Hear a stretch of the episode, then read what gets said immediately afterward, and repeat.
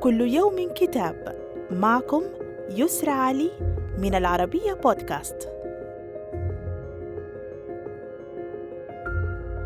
كتابنا اليوم بعنوان سيد اللعبة هنري كيسنجر وفن دبلوماسية الشرق الأوسط. من تأليف مارتن إنديك. السفير الأمريكي السابق في إسرائيل ومساعد وزير الخارجية للرئيس بيل كلينتون لشؤون الشرق الأدنى ومبعوث الرئيس باراك أوباما للمفاوضات الإسرائيلية الفلسطينية. يسرد في كتابه هذا قصصا عن مشاركة الدكتور هنري كيسنجر في دبلوماسية السلام في الشرق الأوسط بصفته مستشارا للأمن القومي للرئيس ريتشارد نيكسون ووزيرا للخارجية أيضا. والذي ظل في منصبه كذلك في عهد الرئيس جيرالد فورد كوزير خارجيته.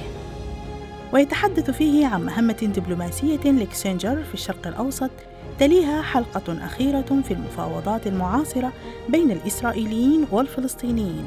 ثم يقارن بين هذين الحدثين في تاريخ العلاقات الخارجية للولايات المتحدة في الصراع العربي الإسرائيلي مقسما الكتاب إلى خمسة أقسام. ولكل قسم عدة فصول.